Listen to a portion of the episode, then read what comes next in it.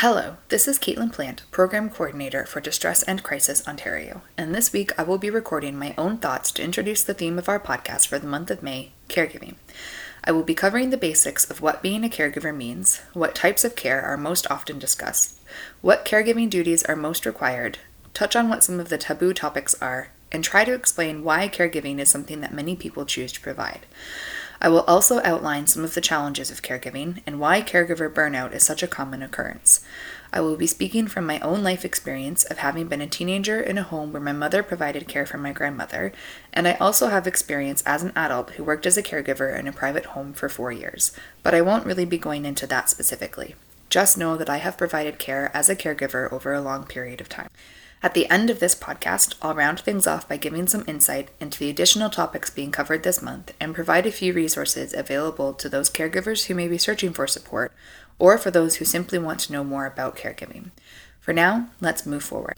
I think it's safe to say that when people hear the word caregiver, they most often picture a parent caring for their own child, either healthy or exceptionally challenged, or they think of a healthcare worker providing medical or personal care. Both pictures are accurate, but what about the children who care for their parents, elderly or otherwise? A sister who cares for her brother, or vice versa? A spouse caring for their partner? Childcare providers? Or the neighbor intentionally checking in on the elderly or otherwise vulnerable individual next door? All these scenarios and more are also accurate representations of caregiving. Anytime someone consistently provides emotional or physical care, support, or companionship to another individual, they are taking on a caregiving role. Sometimes caregiving means providing near constant one on one support to an individual with developmental or health concerns, and other times it's as simple as giving someone a ride to the grocery store once a week, or, these days, dropping those groceries off on someone's doorstep. I think this accurately sums up how complex the topic of caregiving can be, since it holds many different forms. When I was in eighth grade, my grandmother, whom we called Oma, was diagnosed with Alzheimer's disease. My grandfather had passed away the year before, and with my Oma living on her own for the first time in decades, we began to notice that something was just not right. She was becoming easily confused, would often get lost in the small town she'd lived in for around 15 years, and she was constantly forgetting things.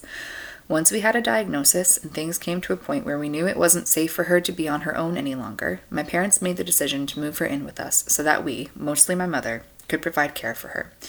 We knew that she would be more comfortable and safer living in our home than a long term care facility, especially because she often still had lucid days at that point. The move in happened the summer before I began high school, and we would spend the next four years sharing a home with an elderly woman who progressively knew less and less about the world around her as she became mentally trapped within her own mind. It was challenging to watch her go through the decline, but equally challenging was watching my own mother struggle to care for her mom. I know that caring for Oma at home was the best decision at the time, but I still don't know how my mom cared for her for so long. I also know that for many people, four years is a relatively short amount of time when it comes to a need for care but the intensity of care required matters, and time tends to become marked by feelings rather than chronological passing. Some of you may be listening to this and know exactly what I'm talking about when I say that those four years presented a lot of struggles, because you've either been through them yourself or know, or know someone else who has or is going through a similar situation. However, I'm sure that there are equally as many people listening who are wondering what could be so hard about caring for an elderly woman who just gets confused sometimes. Well, let me give you some real life examples from our time caring for Oma. As Oma became increasingly more confused, the identities of those of us around her constantly shifted. Sometimes I was myself, sometimes I was a stranger, sometimes I was a random person out of Oma's past, but most often I was my mother, as if my Oma was still a younger woman raising her own family. This meant that my mom was often my Oma's sister, or a stranger, or also herself at her own age right alongside my presence as her younger self. Confusing for all, I know. Here's an example that touches on one of those taboo topics mentioned in my introduction personal hygiene.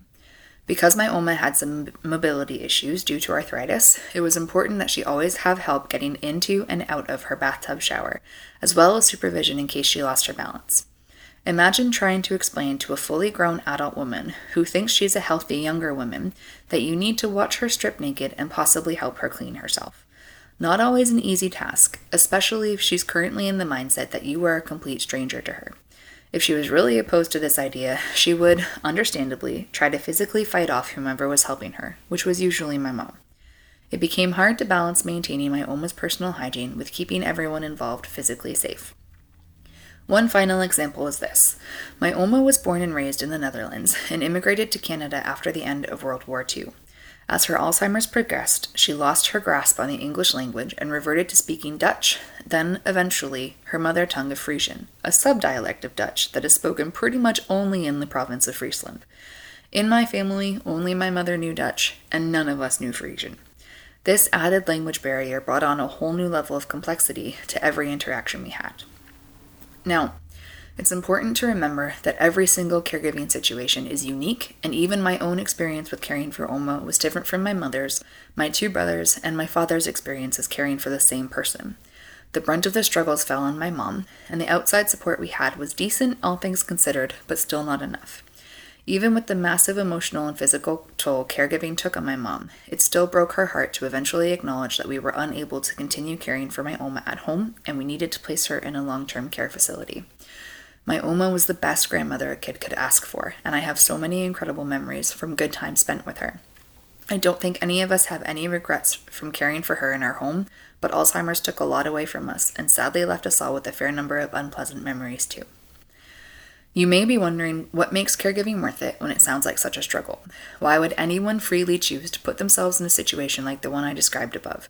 Honestly, it can sometimes be hard to remember, but it boils down to the fact that even when things got tough, the confused lady trying to explain that she had to leave the house and go to church at 3 a.m. on a Tuesday was always still my Oma, whom we all loved. She was always still the grandmother who gave so much of herself to my brothers and I, and was still my mother's mom.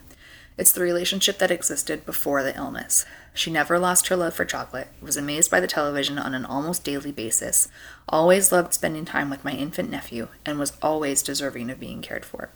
Even though she didn't know who we were sometimes, there were always those moments of clarity and gratitude that would pull us through. I think this is a good place to segue into the topic of caregiver burnout. The examples I gave previously are three small examples from four years' worth of care of an adult who was in relatively good physical health, if slightly frail. What if, in addition to her mental disease, she was also wheelchair bound? What if, instead of a mental affliction, she was mentally sound but physically paralyzed? What if, instead of a grandmother, care was being provided for a child who would require care for far longer than four years? What if she was a much larger male instead of an average sized female? All of these situations exist, and caregivers are needed in every single case. I cannot speak for everyone, but I do believe that many caregivers take on the role of caregiving out of both love for and a sense of commitment towards the person requiring care. And while the moments of gratitude and fulfillment do exist, it can be difficult to find when you're on day five of no sleep and very little time to yourself. Sometimes people also have very little choice when it becomes have very little choice when it comes to becoming a caregiver. If you can't afford to pay for outside help, what other choice do you have? When you are irreplaceable in the task of providing care to someone you love, how are you supposed to make the choice to walk away from them and care for yourself to an equal degree? It's often an impossible ask, and this is why caregiver burnout exists. Also, we don't give caregivers the support they require to sustain the role. So, where do we go from here? I've given you a brief introduction to caregiving with a personal account and stories I chose to share, but this short podcast has barely scratched the surface on what caregiving is. There are so many different stories out there, different reasons, different struggles, different successes, and different opinions to anything I've shared today. Hopefully, over the course of this month, we'll be able to explore and shed more light on each of these areas and provide some much needed insight into the life of caregivers. Next week, I will be interviewing a woman who spent 21 years caring for her son about the importance of self care for caregivers and how challenging it is to come by. We'll also be hosting a panel to interview individuals with different caregiving backgrounds to compare and contrast their experiences, have an episode dedicated to caregiving amongst COVID 19, and also hope to bring in the perspective of someone who is on the other end of things, someone who is being cared for. For those looking for resources to support their care- caregiving roles or for general information, I would suggest checking out the Ontario Caregiver Organization online at ontariocaregiver.ca. Donna Thomson has a blog called The Caregiver's Living Room at Donna Thomson, D O N N A T H O M S O N dot com, through which she's built an incredibly supportive community. DCO has a list of useful resources that can be found at dcontario.org forward slash resources forward slash useful information. And remember that there are always people willing to listen and support you at any of our distress centers, which can also be found at dcontario.org but forward slash locations. Thank you for listening.